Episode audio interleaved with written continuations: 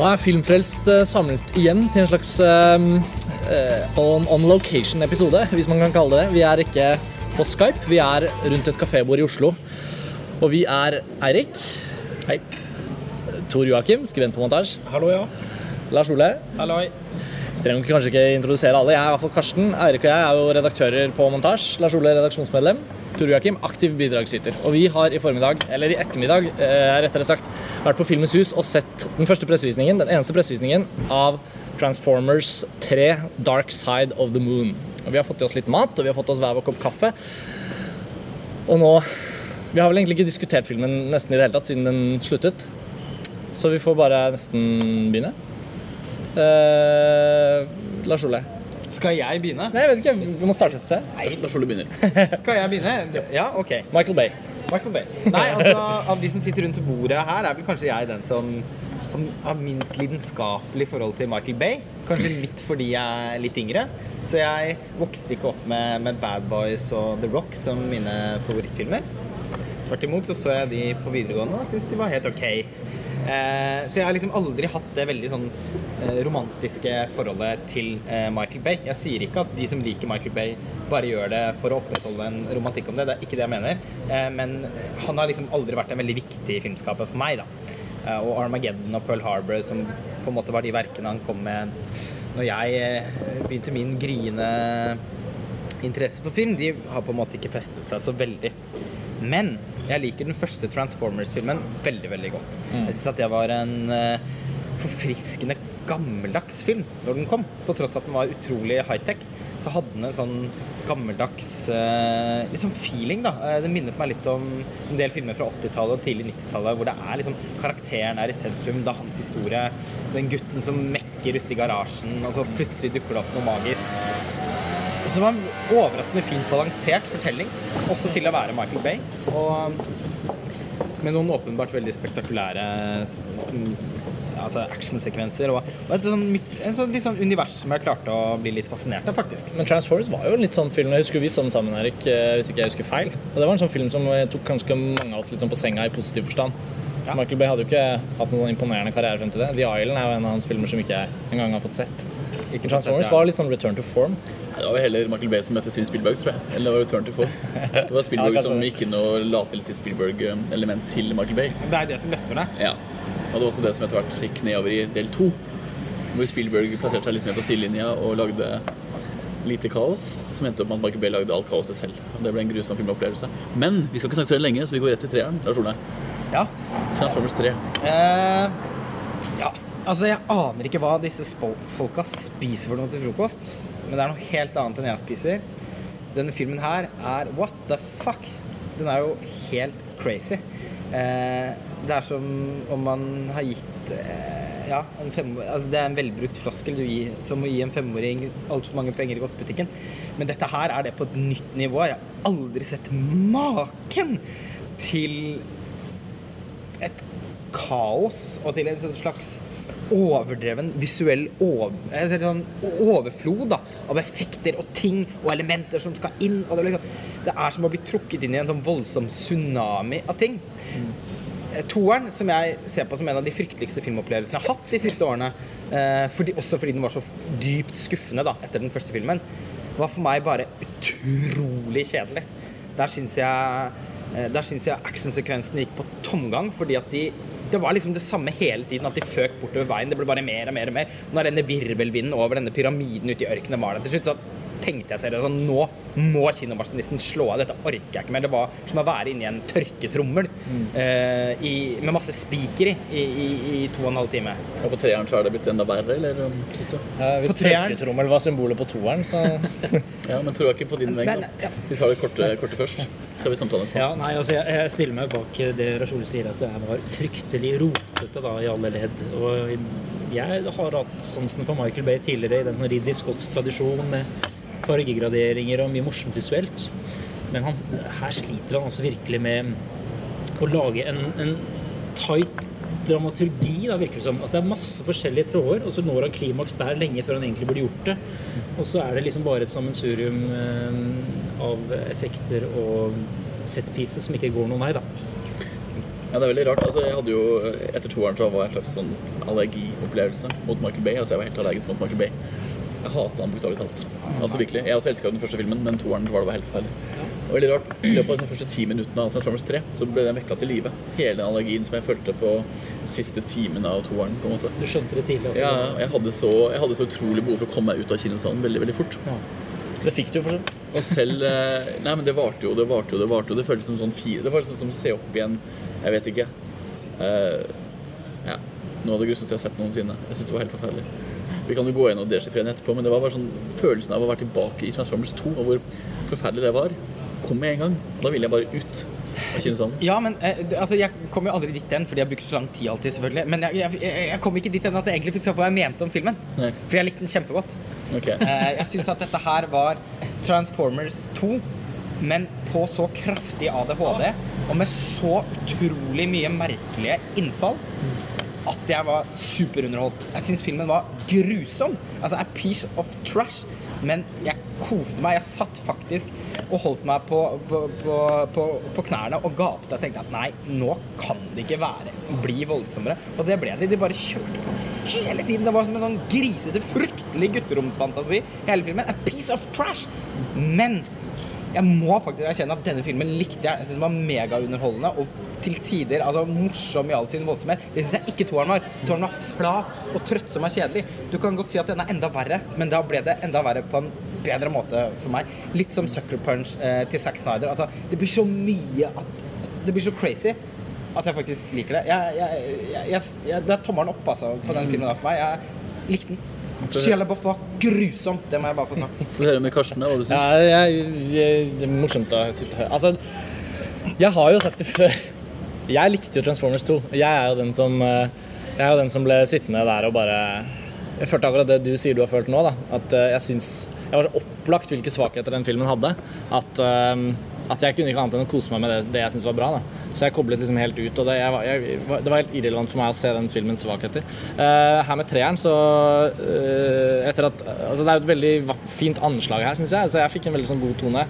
Og så etter at anslaget var over, så fikk jeg liksom en av de aller verste fornemmelsene på hvor dette kunne gå. Hvor på en måte kjæreste og familie ble introdusert, og en sånn komisk som jeg på en måte klarte å se, se meg mye blindere på underveis i toeren, men som jeg fikk, fikk veldig i kroppen her. Og så gikk jo brannalarmen, og så var vi ute i fem minutter, og så kom vi inn igjen. Så, så, på ordentlig? Ja, på ordentlig. altså. Unnskyld. Ja, nei, altså, jeg skulle bare få nevnt det. Altså. Brannalarmen gikk på pressevisningen, og det var jo veldig da, Jeg hadde veldig bange anelser på det tidspunktet, og så ja, så fikk vi se akkurat den, de verste fem minuttene fikk vi se en gang til. Og da gikk det så utrolig klart opp for meg hvor jævlig det var. da. Og jeg hadde bare ba på knærne om at ikke det skulle holde seg, eh, ikke være en viktig del av filmen. Men i nå omtrent en time så syns jeg det var en helt ubegri altså, ubegripelig lidelse. Fordi jeg syns det, det, de det de kunne gjøre med filmene, som jeg syns var kanskje bedre til stede i toeren, selvfølgelig aller best til stede i eneren, det var helt fraværende. Så på et tidspunkt så kicka det inn. Da ble det liksom en slags nesten en sånn Terminator-film. Hvor det var en virkelig sånn postapokalyptisk Chicago som skulle tas hånd om. Og da begynte den å gå også over i sånn Battle Los Angeles-territoriet. En annen film jeg var veldig glad i denne våren, som også er Piece of Trash. Um, så jeg, jeg, jeg mislikte den, og jeg hadde det ikke så veldig gøy med den. Uh, jeg syns det var noen set pieces som var uvurderlige, altså som var helt enestående. Disse wingsuit-tingene i 3D syns jeg var dødsfett. Så inni en sånn 40 minutters bit der, som hvis man skulle isolert den og gjort den til kanskje en av de drømmesekvensene i Sucker Punch, så kunne man, uh, skulle man begynt å snakke om noe. Men jeg er nok litt mer på lag med Eirik her. altså Ikke det verste jeg har sett. Men Men den delen som du nevner nå, da, det er, altså den delen alene som en action setpiece, eh, syns jeg var, var helt overlegen noe de fikk til i den andre filmen. Så jeg, jeg, har veldig problemer med å skjønne hvor du kan sette toeren over, det, over den her, with all due respect. Fordi Ja. eh, altså, foreldrene, for eksempel, som jeg syns er de verste karakterene i hele serien, det er da jeg virkelig får lyst til å gå ut og begynne å gråte eller kaste opp. De var med i filmen der. At de, at de fortsatt er med. At de ikke har skjønt at de skal kutte ut, det er et mirakel. Men de var jo med tre-fire ganger så mye i den andre filmen når de kommer til dette colleget hans. Og det var jo enda verre. Eh, og, og her var det liksom en viss Det var en mer trashy tone over den filmen her, syns jeg. Altså, jeg syns den var mer, mer selvbevisst på at den var litt sånn corny. Syns mange, du, syns du den var selvbevisst? ja, noen ganger jeg Fikk ikke det inntrykket i det hele tatt, altså. Men eh, jeg har noe som de sier Priest var en annen film jeg så her for en, eh, par måneder siden, eller en måned siden. Og den også har litt av det samme problemet, særlig i forhold til dialogen. Altså det, Når det blir så voldsomt selvhøytidelig og pompøst og uh, slitne amerikanske flagg med hull som vif vifter i vinden og We're gonna save you, we'll stay, stick by you, earthlings forever. Så, så går det liksom over selv, uh, selvironien, føler jeg, altså inn i bare noe sånn der platthet som bare irriterer. Jeg trodde det var det folk likte så godt med Michael Bay. jeg. Eh, De, de tingene der. eh, Ikke, det jeg- er, det, Nei, er det er ikke det aspektet jeg liker av Michael Bay. Altså, Jeg er jo ingen Michael Bay-fan. Jeg må si det først da. Jeg liker jo egentlig bare The Rock. Jeg er jo ingen Michael Bay-fan i det hele tatt. Jeg syns jo alle filmene hans er crap. Bortsett fra Transformers og The Rock. Eh, men eh, selvironi fantes ikke i Transformers 3. Det er jeg ikke enig med. Det her var ikke selvironi. Nei, det det her var en veldig selvhøytidelig filmskaper som ikke er selvironisk. Virkelig. Eneren hadde noen morsomme, litt sånn der distanserende forsøk på å være morsom, og det funka. Og den var også ganske og hadde gode karakterer. Tross, altså Moren og faren var slitsomme, men det var en veldig fin karakterhistorie. Toeren glemte det fullstendig, fordi Spielberg ble stående et helt annet sted og jobbet med, jobbet med forarbeid på Tintin, etter hva jeg skjønt. Et eller annet sånt. Men treeren har jo ikke selvironi, på en måte. Og det at det er piece of trash i denne sammenhengen her, er jo ikke positivt. Altså, En film, en søppelfilm er morsom hvis den også greier å være litt humoristisk. Eller campy. Altså, som, altså, jeg kan gå med på at en film som Thor for eksempel, av Kenneth Branagh er piece of trash. Som kanskje ikke funker, men det er campy. og Derfor er det på en måte litt sånn, det virker litt gjort med belegg. da. Men her er det jo ikke gjort med belegg. Her er det bare en fyr som har liksom, tryna skikkelig. Og det kjipe er at det den mangler, og det har jeg aldri sagt før om en, om en Hollywood-film, det mangler altså rett og slett akt, aktinndeling. da. Altså, du vet aldri når det er ferdig. Er. Og det, og det er jo sjukt, fordi altså, jeg savner altså, Jeg, vil- jeg syns gjerne at det er altfor mye aktinndeling i Hollywood-film generelt. La den scooteren passere. Eh, altså, jeg er jo ingen, jeg er ingen eh, aktinndelingsfantast i det hele tatt i Hollywood-filmer, men her er det en film som du, på en måte, du får aldri helt beskjed om når det skal slutte. Det bare fortsetter og fortsetter, og fortsetter, og det er ingen karakterutvikling, det er ingen eh, dramaturgisk utvikling i det hele tatt. Alt blir en sånn smørje, som i det, riktignok. det var veldig smørete. Men her syns jeg det, det, det er veldig vanskelig for meg å sitte og argumentere for hvorfor denne filmen er god. Fordi jeg syns jo ikke det er en god film, men jeg likte den veldig godt. Og grunnen til at jeg gjorde det, var nettopp at for meg dette smøreriet fungerte for meg. da. Altså, Jeg syns det var oppriktig artig og en på en sånn ubehagelig måte veldig stimulerende å se på. Dette var den på en vis den mørkeste i gåsetegn Transformers-filmen. Altså Også fordi den var den mest urovekkende, syns jeg. Er det dette folk liker å se på? Er det dette jeg liker er å se på? men det er jo ikke det folk liker å se på. På, på, på et eller annet tidspunkt så sier han ene eh, Massens vilje må vike under Eller vilje, den enes vilje må vike under for massene. Og så sitter jeg der.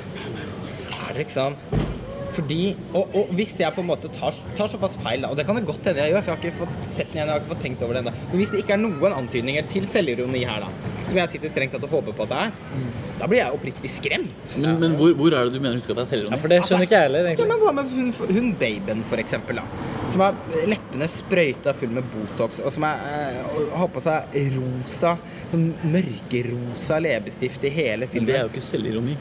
Altså, hvis, hvis, hvis, du, hvis, du hører, hvis du hører altså Det er veldig viktig å ikke, ikke tolke det som selvironi. Hvis du hører Michael B. snakke om de damene han caster, og nå spesielt med Megan Fox, alt det her, så finnes det ikke et snev av selvironi overfor han. Og det, vi kan, vi kan, vi kan, vi kan, snakke- vi kan henne med filme opp i rumpa hennes mens hun holder en Playboy. ja, det er veldig, det er nei, fordi jeg tror at øh, Jeg tror virkelig Og det så man mye tydeligere her. Altså, jeg savnet jo Megan Fox plutselig. For hun hadde jo i hvert fall litt sånn smirk. Hun hadde i det minste litt sånn Fuck you, liksom. Jeg spiller at jeg skal være glad i deg, men jeg er faktisk ikke glad i deg. Eh, et, et eller annet, da.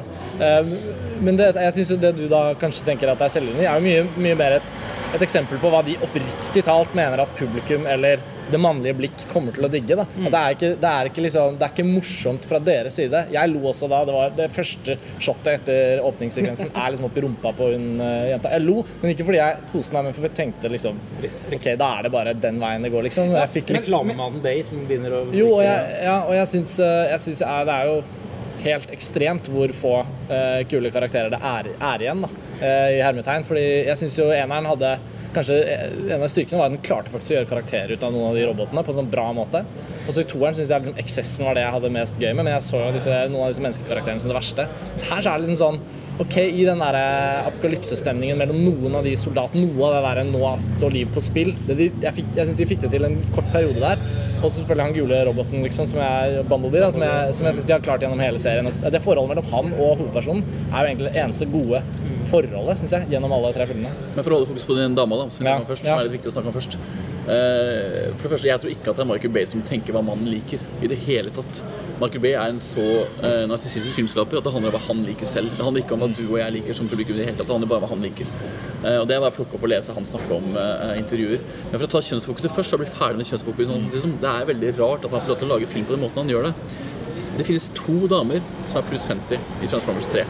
Den ene er sekretær, som du ser har vært en sånn babe. Hun har bare forblitt i posisjon og har det samme korte skjørtet. Hun har liksom blitt pluss pluss 55, pluss 60.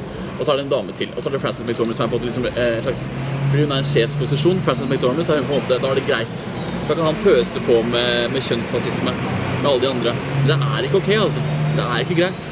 Og alle damene i denne filmen her løper rundt i sånne korte 80-tallsskjørt med sånne trange, trange kostymer på seg. Til og med en scene hvor vi vet, og hvor karakteren selv vet, at hun dama skal ut og løpe, så tar hun på seg en sånn der 80-talls paljettkjole som er sånn støpt i kroppen hennes. Og det er helt ubeskrivelig for, fordummende altså, å tro at det handler om mannens blikk, er helt feil. Det handler om Michael Bays blikk og Michael, Bays interesse. Og det gjør filmen veldig usmakelig. Ja. Og Men den- Jeg tror vi mener det samme. Jeg jeg, jeg, jeg kommenterte veldig på podkasten på toeren, så vi kan republisere på montasje. At alle kvinner i toeren løper bak en mann. Det er mannen som liksom løper foran, Mm. leder han, og så løper damene bak. Her forsøker han liksom på mest sånn klossete, man, vis da, Mm. å gi henne liksom makten i starten av filmen. Det er hun som betaler husleia. ikke sant? De tingene her, For å kunne liksom ha det en halvtimes tid for å redde seg i land, og så kan han bare kjøre på med rumpeshot resten av filmen. Det fungerer ikke sånn, altså. Det, det fungerer ikke Star Trek. Men, men det er, synes jeg er veldig typisk for alle Michael Bay sine filmer. Jeg Ja, ja. han alltid er er det helt grusom Det er nesten hans eh, lille varemerke. ja, i, i fremstillingen sin av kjønn. Og uh, for, jeg tror det er noe av grunnen til at jeg faktisk liker denne filmen her. At jeg synes alle de fryktelige trekkene ved Michael Bay blomstrer opp i en sånn enorm overdrivelse som gjør at jeg faktisk syns det jeg, jeg har større glede av å se på det, og jeg syns faktisk det er mer interessant enn det det pleier å være. Jeg er helt enig i alt du sier nå, Eirik. Jeg, syns det var aldeles usmakelig, men derfor, dratt så langt at jeg måtte sitte og humre i ren vantro, da. Og jeg, jeg, jeg syns det var en utrolig snål film. Altså, jeg, jeg, og jeg er også enig i hvordan, hvordan har han fått dette her igjennom, da? Hvordan har noen liksom sittet og high-fivet og, og, og, og sittet og vendt tommelen opp for at Ja, men vet du hva, vi går for den, vi gjør dette her. Fordi, og spesielt med tanke på den floppen, altså kritikere og fan, ikke minst hos fansen, da, som toeren var. Men, men du vet at Michael Bay, det er det som er så morsomt, fordi det, eller ironisk, Ja. det er jo at Michael Bay eh, selv gikk ut og sa at han var misfornøyd med toeren. Ja, det har han jo sagt. Da, nei, nå i treeren, nå skal vi tilbake til det som gjorde eneren så bra, ned i teamet, liksom forstadshumoren og den, den, den der, der, og så går, gjør han ikke det, han gjør jo det helt motsatte. Det er det motsatte. Helt motsatte. Hva, Så, hva tenkte du om eh, For jeg bare Jeg har lyst til å høre litt uansett eh, på i forhold til musikkbruken. Men vi er ikke ferdig med kjønn ennå. Nei, ok, nei, nei, vi gjør gjerne, gjerne. Vi ikke- Ja, ja, vi kommer til- Vi kommer til musikk, men vi er ikke ferdig med kjønnsfokuset. Okay. I det hele tatt, for det er så dominerende i filmen. nå. Se for på hvordan film, se, altså Når man skal se filmen, for dere som ikke har sett den ennå på kino, se på hvordan det finnes utsnitt i filmen som kun har muskuløse menn dominerende i bildet. Det finnes ikke en eneste dame i utsnittene. Legg merke til hver gang noen, som- noen som skal reddes, så er det til og med, til og med Frances McDormand løper bak når noen skal reddes. Altså Det finnes ikke en eneste dame i filmen som har en ledende funksjon. Det finnes ikke en eneste dame som har en bærende rolle. Og det er jo helt, er jo helt håpløst. Og selvfølgelig, Det er jo en Michael Bay-varemerketing å gjøre det her, men samtidig det gjør det ikke akseptabelt. da, i det hele tatt. Det fungerer ikke. Jeg lurer på hvordan gutter på 14-15 år ender opp med å se på kvinner altså når de ser på det her. Jeg blir helt, det, er helt, det er helt sjukt. Samtidig, jeg så Joachim Trier siterte Thomas Mann her om dagen. Hvor han sa, som Thomas Mann har sagt, og som er et veldig kjent sitat, at det er eh, en filmkunstner eller, eller en kunstner uavhengig å ta sitt løp fullt ut. Altså ta det helt til ende, da, på en måte. Og gjennomføre det fullt ut. ikke sant? Og det er jo det Michael Bay gjør. Altså Han kjører jo sine varemerker virkelig helt ut. Og det er jo ikke kjønnsfokuset som gjør at filmen blir dårlig, det er fordi at filmen liksom blir utmattende. Altså man faller ja, av. men så til de grader Mm. at jeg syns det blir en av de mest tilfredsstillende filmene han har lagd. Fordi at det, det gjør den interessant, da. Jeg synes at jeg vil mye heller ha enten der nede med gutten og garasjen og, i, i den første filmen, eller så må det være her ute hvor det er helt total far out. Mm. Jeg vil virkelig ikke ha den der suppa som var i midten. Ja, for det var det verste. Den var jo midt imellom. Ja, det er den absolutt verste filmen. Jeg vil ikke akseptere at Transformers 3 er en svakere film enn fra Transformers men, men det går jo an å fokus, fokusere handling. Du, greit, du trenger ikke å være forstander og ha det morsomme humoren som du det første, men du kan f.eks. ta hele greia ut i verdensrommet. Da har du en, en som de prøvde på, men så gikk det ned, altså, så var det frem og tilbake. ikke sant? Ja. Mens nå gikk det liksom alle retninger. Det skulle være litt postapokalypse, det skulle være noe som skjedde på månen, det skulle være noe litt uh, humor, og så skulle det være noe, noe som faktisk var ganske opprivende uh, i måten de drepte noen mennesker på. Eh, Og det var liksom toneforvirring og dramaturgisk forvirring, altså. Veldig. veldig. Eh, Syns jeg, da. Og da, og da hovedsakelig fordi manus ikke evner i det hele tatt å fortelle deg som publikum hvor det skal hen. Vil jeg påstå, som jeg sa i stad. Altså, du får alle disse subplottene og alle karakterene, og det pøses bare på med sånne ting. Men så får du heller aldri noen slags sånn veiledende idé om at å ja, nå er vi inne i siste akten. Ja. Fordi når den siste akten på en måte kommer, så er egentlig det bare starten på jeg vet ikke, syvende akten. Men det, var, men det er veldig merkelig i forhold til Ja, filmens anslag. Da, for jeg, jeg, I motsetning til deg, da, Erik, så syns jeg det var helt strålende. Første, ja. Ja, ja, altså anslaget. Bit, Kalde- altså, kalde krigen, omskrivningen av historien. Ja, fra- ja. Altså det som, biten som er før det står Transformers 3 på skjermen. Eh, syns jeg, jeg synes det var råbra. Altså, det- det var der jeg virkelig tenkte at ok, her henter de seg inn fra den skranglekassa som var toeren, og liksom Her skal det være noe, da. Og det, det, det hadde jeg veldig sans for. Jeg syns det var veldig kult. Men Jeg, tenkte det samme med datter ganske fort. Men hvis de hadde klart å følge en Ja. linje, da Hvis de hadde klart å følge en linje som faktisk Men det har jo ikke noe med noe av resten av filmen å gjøre, omtrent. Nei.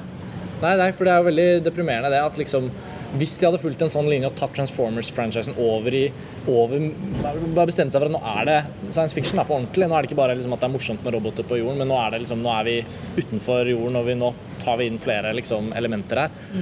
Og hatt den der kontrafaktiske historiefortellingen som er ganske morsom, som fungerte innmari bra i X-Men 1, eller X-Men First Class, mener jeg, som, vi akkurat, eh, ja, som akkurat er på kino, kino nå noen uker siden. Eh, men det er jo all den der blandingen. Altså. Det er akkurat, akkurat som dere sa. Det er liksom Men det er også et visuelt sammensurium som vises veldig godt i anslaget. Man får liksom en smakebit på hvor kaotisk Michael Bay er som filmskaper når ingen passer på han. Altså, I anslaget, anslaget så blander han inn dokumentarmateriale og noe som er en slags sånn gjenskapt dokumentarmateriale, Ja. og noe som er casta skuespillere som skal bare ligne.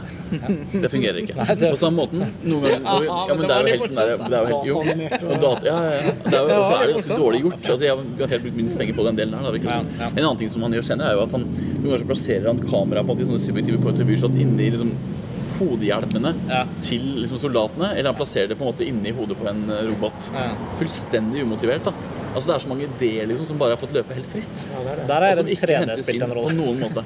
Nei, nei, jeg, nei, jeg tror ikke det er 3D. Nei, Jeg tror faktisk det er Michael Bay som tror at oi, shit. Ja, ja, Sam Raimi hadde den der scenen i Spiderman 2 ja, hvor de på en måte så kameraene på han som Ja, det var kult, det likte jeg. Jeg tror ikke det er så mye med 3D-en å gjøre. Nei, nei, nei. Jeg tror, det, jeg tror det handler om at Michael Bay sitter og, liksom, og runker, og så er han lei av sine runkefantasier, så lager han nye, og så blander han det sammen. For meg så hadde det vært et fett om den filmen her var i 3D eller ikke. Det gjorde meg ingenting, verken pluss eller minus. Hadde toeren vært i 3D, så hadde det vært enda grusommere. For da kom jo alt mot skjermen kom alt mot deg hele tiden. Det har han jo ikke gjort denne gangen. her. Nei, helt. Kanskje nettopp fordi at det har vært i 3D. Jeg tror heller det eventuelt liksom har disiplinert han på de tingene der. Og det skal han faktisk ha, for det er ganske altså 3D er brukt veldig som sånn slags sånn Altså det er, ingen, det er ingen veldig åpenbar bruk av 3D i det hele tatt i filmen. Da. Det, er veldig, det er veldig fint å se Ja, at han greier det. Det skal han ha. Og det er noen, I noen ganske sånn dype, store bilder syns jeg det ga en veldig sånn Litt sånn som noen steder i Avatar hvor det ikke var noe mekk med 3D, men det var bare sånn det, var sånn det dype, lange bildet hvor du liksom virkelig kunne funker, funker det veldig fint i de Jeg syns han hadde noen nydelige Flyve Ja, flyvesekvenser hvor bare kameraet stuper og skrur. Da syns jeg 3D-effekten er veldig nydelig. All denne stupingen ut av bygninger og sånn fikk jo en ekstra effekt eh, på grunn av den typen rett og slett i bildene. Men 3D gjør seg altså i, i storbyfilmer. Ja. i storbyer, så gjør 3D seg veldig godt. Også. Det er geometriske figurer oppi Ja, ja. ut, ikke sant? Og, og, og, og jeg mener, altså denne siste delen av denne actiondelen Fra når da? Ja. La oss prøve. Nummer 444. jeg, vil, jeg, vil ha, jeg vil ha innpunkt og utpunkt. Paradokset i min egen setning Mener er- når de er inne, inne i når de er inne skyskraperen. Jeg mener når de er eh, Fra og med Chicago Inni blir det Willis fest. Tower. Ja. Ja. ja.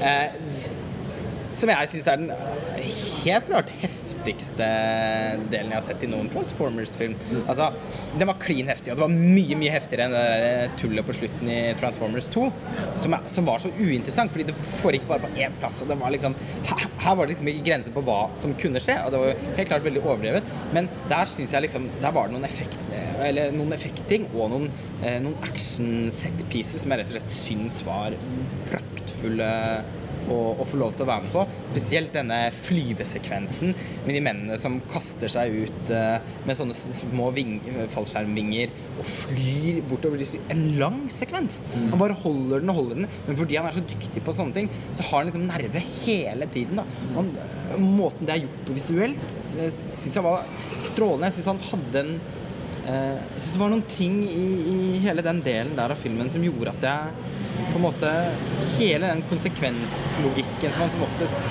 har når man ser en film, for meg så ble den helt pulverisert. Jeg bare satt og bare eh, nøt, omtrent som å, å og trøstspiste sjokolade, liksom. Det var det hadde helt- jo ja.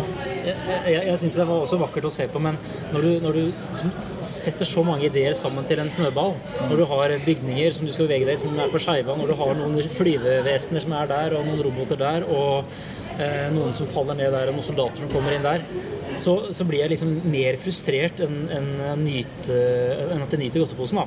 Eh, Og det, det, er ikke, det, det er sånn, det er sånn balansegang der som er litt sånn Ja, men det, det, det handler jo om at det er en viss, viss balanse i det. Altså, det mangler en balanse her. Ja. ikke sant? Men altså, det rare er jo at nå som Hollywood kan gjøre hva som helst, så greier de ikke å stoppe. Det er helt utrolig. Altså, hvorfor kan, ja, men, ja, men det er jo helt utrolig. Hvorfor kan ikke Hollywood lære Altså, Spielberg vet det her, og noen regissører vet det her. At hvis du har en god historie i bånn, så trenger du ikke å ha de store, spektakulære um, actionscenene. Se på Inception, da, for eksempel, som hadde en trailer som lovte veldig veldig store ting. ikke sant? Og så kommer filmen, og så viser det seg at traileren hadde alle de scenene som var bare litt lengre, men det var ikke så mye større ting enn traileren. ikke sant? Det var ikke det som gjorde Inception interessant. Altså Det var, det var premisset og plottet som gjorde Inception interessant. Til dels karakterene, selv om de var kanskje de svakeste som Nolan har laget. da. Men det var noe med at her er det akkurat det motsatte. Her har de en veldig kul eh, sånn, et slags, en actionscene som er veldig bra i seg selv. da. Nettopp på dette Willis Tower, som skal kunne bevege seg, og det, alt det som skjer der. Og det hadde vært nok da, som actionscene. Ja. Men den, den føles Ja, altså Hadde han holdt tilbake, så hadde det vært huska som en stor actionscene. da. Ikke sant? Nå husker jeg ikke engang når den begynte og når den slutta. Fordi det var så absurd mye annet innimellom. Og, og, og, og hele ideen om å flytte liksom det der, altså sentrale actionsekvensene til liksom det der området i Chicago er jo utrolig flott. For det er veldig visuelt. Altså, men Chicago er jo en av verdens vakreste byer. Nå har ikke jeg vært der, men jeg, jeg blir helt besatt av den. Bare, altså, I Source Code akkurat det samme. Åpningsspillene i Source Code har det samme. Men uh, han greier ikke å temme det, liksom. Og da blir det ikke interessant. Altså, jeg bare merker at jeg ser at oi, shit, det hadde engasjert meg. Den effekten, liksom. Når roboten brekker hele skyskraperen over, og vi er inni skyskraperen liksom, og ser det innenfra. Herregud, det er kjempeimponerende. Men da er jeg for lengst liksom kvalm. Da er jeg, måtte, en da er jeg mett. Så kommer det noen orm i tillegg, og så er det liksom, du rekker ikke, å- rekker ikke å fordøye Men den var sjokoladen før det kommer en ny sjokolade. Var jo Ja, men tenk deg den bukten med raffinement, da. Men jeg, jeg, kan, kan ikke, jeg kan ikke slutte å begynne å tenke litt på The Dark Knight. En film som sjonglerer så mange handlingstråder, så mange forskjellige karakterer, subplot, ting som skal øh, øh, Også brukt Chicago rent visuelt. Uh, også disse flysekvensene i Hongkong. Altså, jeg tror Bay også har sett litt til Nolan, som har jo bare passert han som, på- som blockbuster-regissør for lenge siden. Men Kanskje også i musikken. Kanskje også i musikken. ja, fordi ja, ja. Den er jo overalt nå. ja, men han har virkelig stjålet eh, Hans Zimmer-partier i den filmen. Det må jo du snakke mer om. Er jo, er jo kopiert. Yes. Det er, jo, det er jo veldig mye i Jablonskis Transformers-musikk. Så er det det her Born-riffet som jeg snakket om tidligere på montasje. Jason Born-filmene som har det Nesten sånn gamle Batman-temaet. Ja. Med litt forskjellige sånne andre oppå. Og det, er, det går igjen her òg, altså. Hele tida. Og det må han jo gjøre, fordi det er så mye lydeffekter at det, hvis du skal ha noe som helst musikalsk puls, så må du liksom ha en sånn veldig markant greie. på et greie. tidspunkt så la han seg rett inn på maskingeværlyden. Eh, Ja, ikke sant? Ja, Et spor hvor det plutselig var et maskingevær-effekt-lydbilde som, som begynte å bli rytmisk. Og så tenkte jeg å ja, så det er, ja, ok, det er inni musikken. Ja, nå, greit, da er jeg med. Men, men, men det jeg syns faktisk er litt kult med, med Jablonskis musikk til denne og de, de foregående, det er hovedtemaet som er litt sånn i Simmers gamle tradisjon med eh, mollstemt, eh, storslått Ikke sant? Altså det, den, den fenger, syns jeg, da. Men, Men, eh, men det var også veldig som du veldig simmer, og veldig For meg så var det nesten snitt ut av The Last Samurai. Det her eh, partiene som Hans Zimmer har i Last Samurai Ja, det før det eskalerer. Før du, du, du. Det er hovedtemaet. Men det temaet han har før der i Last Samurai, det var for meg nesten identisk med det vi satt og hørte på samme, der. samme stil, samme skole. Er, er, er det ikke også en helt altså, eh, Skole, det nærmer seg plagiat, tenker jeg. liksom. Men det er jo veldig rart, fordi når jeg satt og hørte på musikken for jeg, På et tidspunkt så bare tenkte jeg nå må jeg prøve å få meg musikken, for det var så mye bråk, så jeg prøvde å isolere musikken. Det viste seg å være helt umulig, men jeg prøvde. Ikke sant? Så er det et sted hvor vi starter med traileren i Inception, altså de der tonene som er i starten av Inception, trailermusikken som er skrevet for traileren til Inception, den siste. Og så kommer seriøst nesten Inception trailermusikken på slutten. Første gang vi går mot den Willis Tower-kameraet går imot, så kommer vi jo Altså, jeg, jeg hører jo at det på en måte er som en reklameinstruktør sier, at du, jeg vil ha altså, Sånn som som eh. Aksel Hennie har gjort på One Call-reklamen. Han har jo bedt om å få liksom, Han har bedt om å få Inception. Som tema. bruker ja. ja. Men det er jo en parafrase altså, Det er jo en parafrase, det er likt. Jeg sitter jo Det bare det er sånn Inception-tema hva er det i? One Call-reklamen, for det har jeg tenkt på hver gang. Det må Ja, men det, er- det, det kjenner jeg faktisk. Det er faktisk eh, Aksel Hennie som hadde regi på den, ba om å få Inception-musikken skrevet om. Han regisserte en, den. av en kompis av meg. ja. Men uansett, uavhengig av det. Morsomt. Det er jo Inception-musikken. Ja. Nei, det er ikke, det er ikke, verb, altså, det er ikke konkret, det. Nei, nei, men altså, De har laget noe som ligger så tett opp noe som de kan gjøre uten å måtte be betale for Ja, det helt riktig. Men noe av, er noe av sorgen i dette er jo at eh, Og det er jo selvfølgelig, det skjer jo med så mange, men eh, Michael Bay, da han kom og liksom satte sitt merke på blockbuster-filmen, på midten av 90-tallet og litt utover, så var det jo han som var en inspirasjonskilde for folk rundt seg. Og han eh, selvfølgelig hjulpet av folk som kom før, men også Hans Zimmers musikk til The Rock. Altså Hvordan action-estetikken ble plutselig liksom satt i en ny retning. Eh, og nå er det jo Michael Bay som bare hi, altså forsøker å klamre seg fast til et eller annet som fungerer hos alle andre. Alt, og det ble jo sagt på Transformers 2 av andre, ikke meg, for jeg var jo litt fornøyd. Men nå er det jo på tide å tenke at liksom, uansett hva det er Michael Bay tenker selv, uh, så fra utsiden så er det lett å tenke at hvis han nå skal gjenerobre en posisjon som en, som en regissør man kan bli overrasket av, kanskje, eller så må han gjøre noe nytt. Altså, Men du har aldri opplevd han gjør noe nytt? Når, Nei, kanskje når, ikke noe når nytt. opplevde du det? Nei, altså, jeg opplevde jo bare å bli kjent med han, og det var noe nytt for meg. Men det var ikke, Ja, men det var ikke sammenlignet med Bay. da var det at du var en ung, uerfaren filmperson. For det er Ja, veldig lite nytt med Michael Bay. Selv gå inn og se på The Rock. Ok, slow motion, mannfolket mannfolk i slow motion til liksom kraftfilm med Hans Zimmer. Ja, det er noe nytt. Men det er kanskje det eneste elementet som er hos Hans Zimmer. Nei, som er hos Michael Bay. Det er veldig mange samtidige regissører. For Mm. han som lagde Con Air. Som gjør akkurat det samme. Det var at Michael Bjørnsen tok det videre og fortsatte med det. Og det var så. på en måte Bruckheimer også, som var Ja, altså, kanskje veldig så mye tørn i det Tony samme. Scott og altså, Ja, ja, ja, ja, ja, ja. Men, men, der hvor Tony Scott gikk veldig over til liksom, håndholdt kamera, rask klipping, Mm. veldig desaturerte farger Desaturerte farger har jo Michael Bay mye av, men han har en liksom, mer sånn grandios eh, stil, da. Ja, altså, han er litt mer sånn klassisk i stilen enn f.eks. Tony Scott. Og i så, så måte så stakk han seg vel kanskje litt ut. Og han Con sjøl vet hva heter han? Fordi det var jo, det var jo liksom en, en, en, en, det var en gjeng sånne Simon West var det. Ja, men det var en gjeng sånne altså gutter, da, for å kalle de det, som jobba under Jerry. Bruckheimer. Mm. Og Michael Bay stakk seg jo ikke ut som noe særpreget. Han, han lagde kanskje de gode, beste filmene. Han var kanskje best på det som på en måte var det generelle actionfilmspråket. Men han har jo på en måte den som har kanskje fortsatt med det, han har på en måte ikke fornya seg. Han har liksom bare holdt på det samme. Det er det som er problemet. Pøs Ja, det er Ja, det som er men, men det er veldig morsomt eh, Jeg vet ikke om vi snakket om det på podkasten før, men jeg oppdaget jo eh, Det var i, i, i det jeg var så, bege er så, var så begeistret for Sucker Punch og, og, og for Zack Snyder, så så, så satt jeg meg og tenkte altså, Zack Snyder er som en sånn slags ultimat møtepunkt mellom Michael Bay og Tarzan Singh, tenkte jeg. Og så søkte jeg opp bare først eh, Zack Snyder, Michael Bay på internett. Og så det første dukker opp, var Wikipedia. Jeg bare, hm, går inn. Det viser seg at Michael Bay, Zack Snyder og Tarzan Singh har gått i klasse sammen på filmskole. Jeg følte at jeg burde Ja, det- få en eller annen slags diplom i spådomskunst. Og læreren var Ja. Det, det, det, vet jeg Tony ikke. Det, ja, det vet jeg ikke. Eh, men, men, men ikke sant, det er sånn Tarzan Singh er ikke så opptatt av. Men altså, Zack Snyder da, sier man hva man vil om han, men altså, han har en slags eh, Syns han har en sånn progressiv tone i, i arbeidene sine. Altså, han, han er med på å, å, å sette litt tonen da, for hva som kommer. Ja. Eh, og det mangler veldig hos Michael Ja, det og, og det syns jeg også filmen bærer preg på, på tross at jeg på mine merkelige måter har blitt filmens filmen- forsvarer i denne episoden. forsvarer i denne episoden her, så, uh, så må jeg si at uh, det er et, et forstummende fravær av noe nyskaping hos Michael Bay.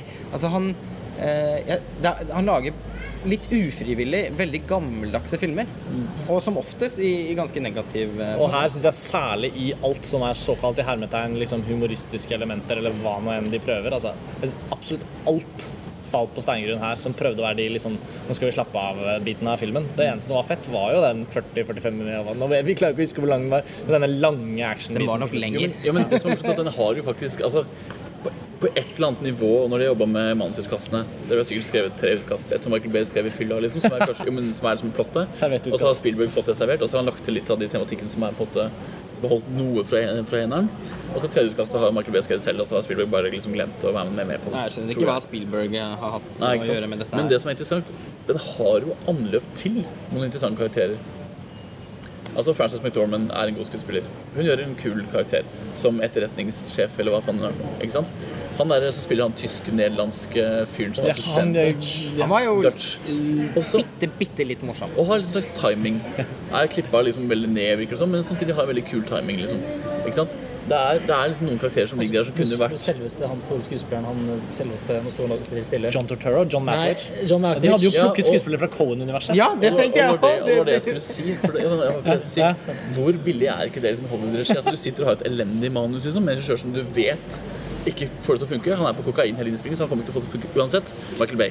Men så legger du da inn litt Cohen Bros-humor i det. liksom. Du får med deg de folka som kan å spille i Hollywood, og så vet du på samme måte som du kan ta med deg en britisk skuespiller i et drama i England, og så får du et eller annet interessant, så vet du at du får iallfall litt karakter. da. Fordi de kan spille. Og John Malkovich har en scene som er elendig skrevet. Manusmessig, replikkmessig, men som er utrolig morsom. Fordi han, leverer. han, fordi han leverer. Altså, og gudskjelov så får da de kanskje en million dollar hver lønn. Og så kan En de få som- mer En som ikke leverer like godt, er han, han derre hom- homo-japaneren fra The Ja, Hangover. han var skuffende. Skuffende. Han var helt Ja, var forferdelig. Jeg, og jeg syns faktisk han var veldig morsom i The Hangover. Når han sier ha, ha, ha, it's funny because he's fat. Det var en av de morsomste one-linerne det året der. Men oh my god, han var stink i den Bortsett uh, fra når han sto bak hunden ved kopimaskina. Det var gøy. Hæ? Når han sto bak hunden ved kopimaskina. Ja, det var, det var gøy. For det var sånn fysisk humor, han bare sto der. I'm next. Altså, Det det er, jeg bare tenker liksom, hvordan, hvordan fungerer det i Hollywood-sammenheng? Når eksempel de kommer til uke tre i innspillingen, så, så sier de ok, denne uka så kommer uh, Frances McTorman på settet tre dager. Så gjør vi hennes scener. Og så får hun betalt bra for det. Og så tenker Michael B at ja, hun leverer sikkert varene, så hun bør ikke gjøre så mye med. Jeg må bare beholde henne i klippen, på en måte. Altså det er utrolig lettkjøpt. Men samtidig, når man da elsker sånne skuespillere som Malkovich og McDormand og Tucci, så er det jo gøy at de i hvert fall tjener gode penger, da.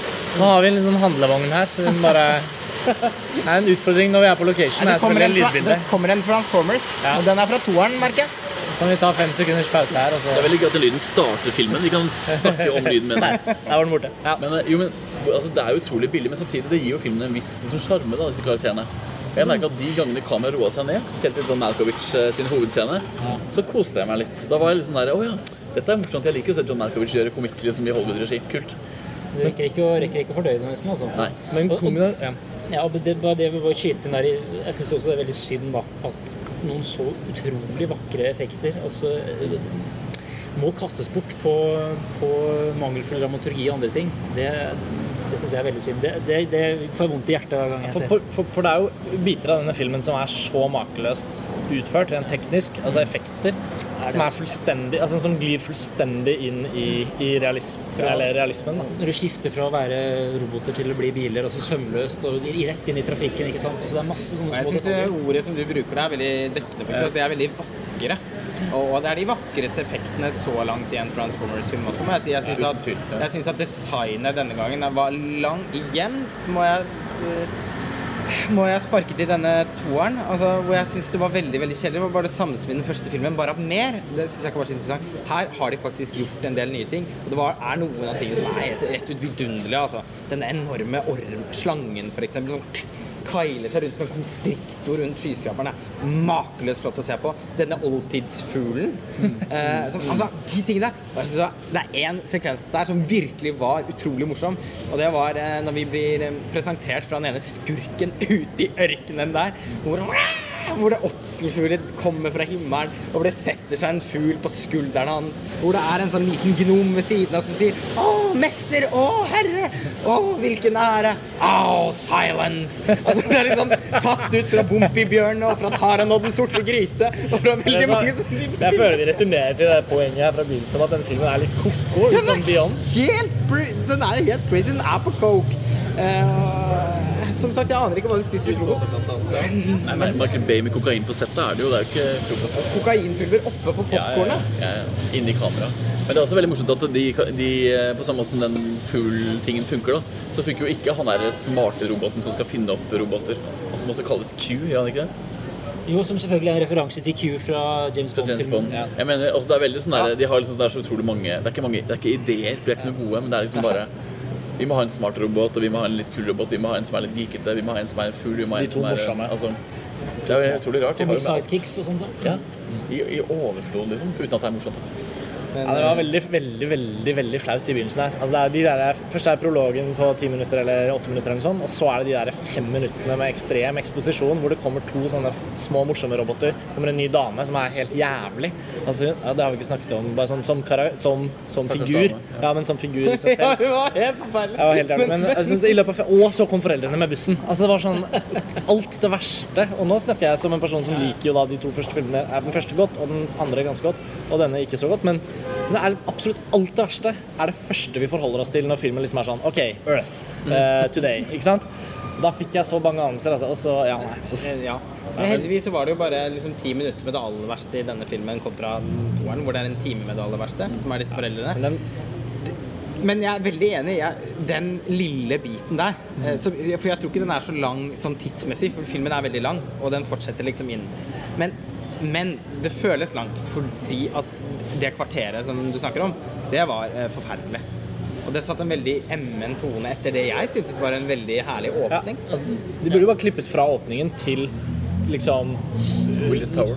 Ja, eller Jo, men på et tidspunkt når, når, når, når autobotene kommer for å si til menneskene hva faen, dette burde dere fortalt oss. De banner ikke, da, for det er masse Ja, folk til ja selvfølgelig. Eh, søren ta. Søren ta. Tenk Shoot! Det var Tenk ganske så mye halvbanning i filmen. vært en R-rated film Ja. med blod.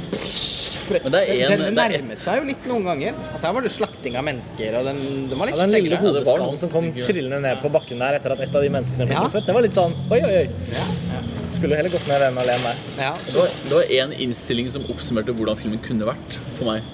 Nå, vi alle fire, nå bytta vi plass etter brannalarmen. altså jeg husker ikke hvem som satt på hvor, men det er et sånn slow motion-shot av Shia LaBeouf som blir på en måte fanga inni en av Transformers og havner i bilen. Hvor han skriker og er morsom skuespiller, liksom, og effekten er helt absurd imponerende. Lydbildet er veldig kult, og det er veldig visuelt nydelig. Hvor alt liksom, alt funker, da. Da hadde jeg mitt eneste lille sånn, antydning til grøss på ryggen. på en måte. Det var den, det shotet. Det var To-tre sånne for min del. To-tre sånne Ja, øyeblikk. Ja, ja, og de har gjort på samme måten. Det er også der når de, der, når de skal ut og, fly med disse Når menneskene skal liksom parachute seg ned eller wingsuit eller hva det blir. Når de. Når, når de blir beskutt og må komme seg ut av helikopteret før helikopteret går ned for alvor, og noen av dem er, kom, får hoppet ut, en annen henger fast, og kameraet liksom bare sakte deiser ut, det er litt i samme sjangeren. Ja, det var helt Det er, en, det er en innstilling hvor kameraet det flyr i ganske lav høyde ved siden av de mot en hvit bygning som har noen sånne svarte, svarte striper.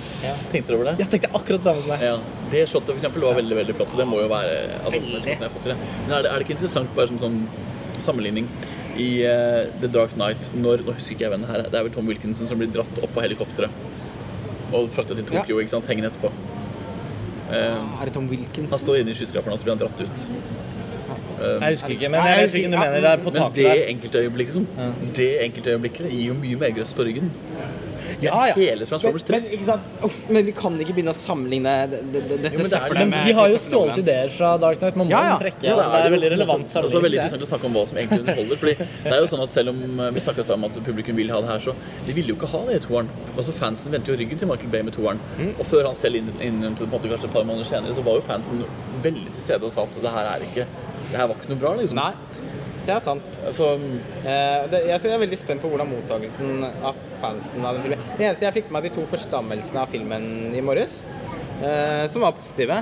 Eh, den ene husker jeg ikke hvem var, men det, den ga den 3,5 av 4 stjerner amerikansk. Syns at det var den beste Transformers-filmen. Total Film syns at den var betydelig svakere enn den første, men også betydelig bedre enn den andre. Eh, jeg tror liksom ratingen har vært fire stjerner på den første, én stjerne på toeren, og nå tre stjerner på denne her. Da. Eh, men, men får vel ikke tre i snitt, det kan jeg ikke tenke meg. Nei, nei, det kan ikke jeg heller. Altså, kan Det blir rotten på Rotten Tomatoes. Ja, det, det jeg kan rotten. slås til ro Jo, med. men, jo, men det er litt Men jeg tror den Jeg vil tro at den får mer positive kritikker enn toeren. Ikke bare fordi at jeg liker den bedre selv, men det, det tror jeg faktisk. Det, det, er jo, det er jo en ekstrem franchise, dette her. Det vet dere jo selvfølgelig. Det er jo fra min barndom, også på 80-tallet, og figurer og conventions og sånn. Det som kunne vært litt interessant, er jo å høre hva, hva fanbasen Altså hva fan... Hva heter det på norsk? Fan, Ja, de, Det er, veldig, det er veldig viktig å si at nå har vi brukt veldig mange engelske ord i podkasten, og vi har fått kjeft for å bruke engelske ord. Så fanmiljøet, da foreslår jeg ordet Fanmiljø. tilhengermiljøet, Ja, set pieces eh, Altså, vi har brukt veldig mange. Vi beklager det, har Jeg fått kjeft skriver for dette. engelsk hver dag. skjønner. Ja. Nei, Fanmiljø. Fanmiljøet jeg Skulle jeg gjerne visst hva mente om denne filmen, altså. Men hvem er de? Fordi hvem er, hvem er fans av Transformers i seg selv i dag? Altså, det er ikke de Det er de som liksom dyrker universet, tenker du da? Eller? Ja, altså det er jo kon- konvensjoner og konvensjoner. Det ble jo plutselig veldig her. Ja, det var litt den konvensjonen du brukte der. Sånn, Ja, det er jo tilhengermøte da, rundt omkring i verden. Samlinger. Det dette Samlinger. Det som også synes jeg Eirik er spesielt glad i å bruke norske ord, da. Det er jo, Jo, men vi fikk, vi fikk så kjeft for det i starten av podcasten, i første at de brukte så veldig mange engelske ord. Ja, den heter Så vi hadde måttet prøvd å vende oss til å snakke om, norsk. Omforvandlerne Men vi, trengs. vi leser jo så mye engelsk. Else Eventyrland. Vi leser jo så mye, mye engelsk. Nei, men, men- men en poenget ditt er i hvert fall godt. Altså, hvem er det som egentlig dyrker dette? Det, det er jo noen, men jeg kan ikke se helt at det varer nå. Altså, I denne filmserien, da. Men, men, men en ting til som vi bare ikke må glemme å snakke om, det er Shia LaBeouf som har hovedrollen.